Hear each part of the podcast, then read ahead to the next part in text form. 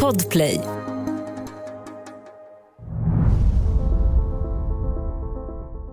Det fanns tecken hos socialtjänsten. Jag brukar säga i mina, under mina föreläsningar, hade jag fått veta om det här innan, hade vi absolut Abbas levande idag. Då hade jag tagit saken i mina händer och skyddat Abbas. Eh, nere vid vattnet eh, är det becksvart ute. Vi har jobbat i flera dagar och nätter om vartannat. Båtar kommer in i ojämn stridström eh, från den turkiska sidan. Eh, och de vet inte var de är på väg. Eh, de vet inte hur långt de ska åka och de vet inte var land finns.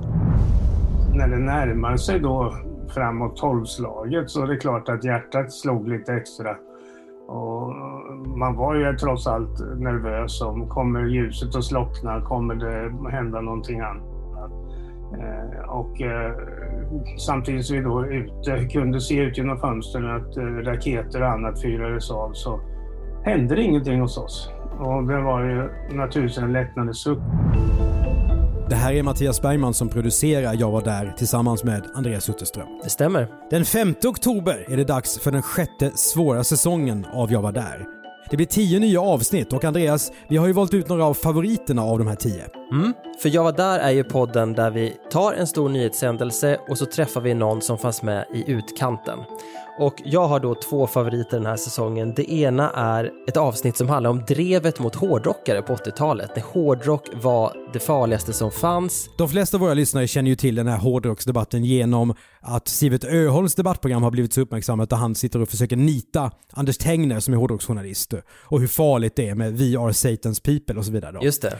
Men du har ju hittat en helt annan typ av intervjuperson. Just det, eh, nämligen en person som faktiskt gör en podd idag med just Anders Tengner. Hon heter Erika Norberg och eh, var ju en av få kvinnliga hårdrocksprofiler. Mm. Med henne så pratar jag om hur det var att stå mitt i det här. Hon är en person som älskar musik, älskar hårdrock och sen så ville folk klibba på hårdrockarna en massa konstiga saker. Allting från att de fick ungdomar att börja knarka till att det var, det var lite väl bögigt verkade en del recensenter tycka och det var allmänt farligt, ungdomarna ska bli satanister och sådär. Och det, som alltid då när det får gå lite tid så framstår det här idag som otroligt överdrivet, men då var det ju på blodigt allvar verkligen.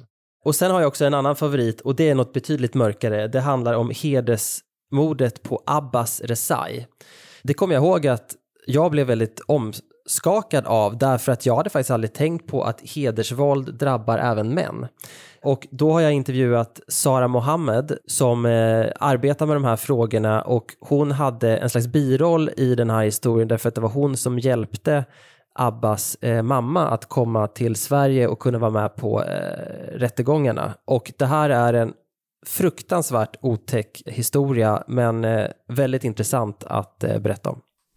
Jag har också valt ut två favoriter för den kommande säsongen. Och då blir det spioner.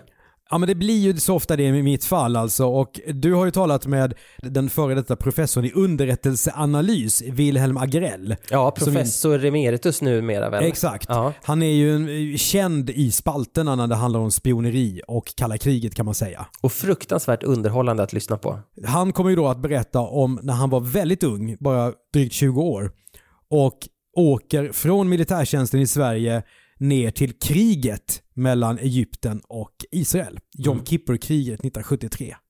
Men det är ju egentligen bara bashistorien. För det som händer är att Agrell har två uppdrag. Han ska både jobba för FN och spionera för Sverige. Just det. Bokstavligt talat samla in hemliga föremål och skicka hem. Ännu en unik svensk historia som är roligt att berätta om. Det är väldigt tvära kast jag var där, det vet ju alla våra lyssnare. Mm. Vi går från väldigt svåra historier till lite lättare historier.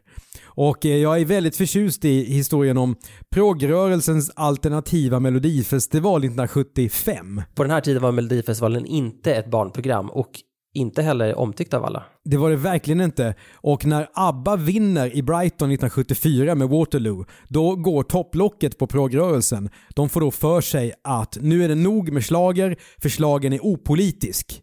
Och det här ska då progrörelsen motverka genom en alternativ festival. Andreas, du har ju intervjuat Chia Torpe, mm. som sedan blev en känd kulturpolitiker i Stockholm, men på den tiden var 23 år och plötsligt var arrangör för ett jätteevenemang. Ja, och imponerande gräsrotsrörelse som, som lyckades genomföra det här från i princip ingenting.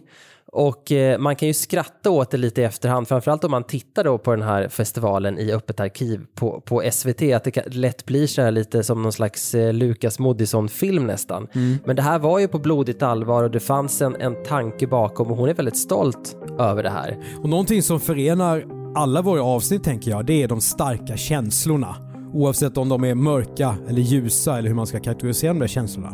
Och då vill jag gärna skicka en tanke till våra lyssnare, förutom vars tips om nya avsnitt vi antagligen inte gjort den här podden. Nej, det, det kommer ständigt eh, tips via mail och fortsätt gärna med det genom att mejla jagvardar bplus.se. Och det är B plus med bokstäver. Den nya säsongen börjar den 5 oktober. 10 avsnitt, ett per vecka. Om du inte lyssnar genom Podplay, då kan du nämligen lyssna på samtliga avsnitt genast.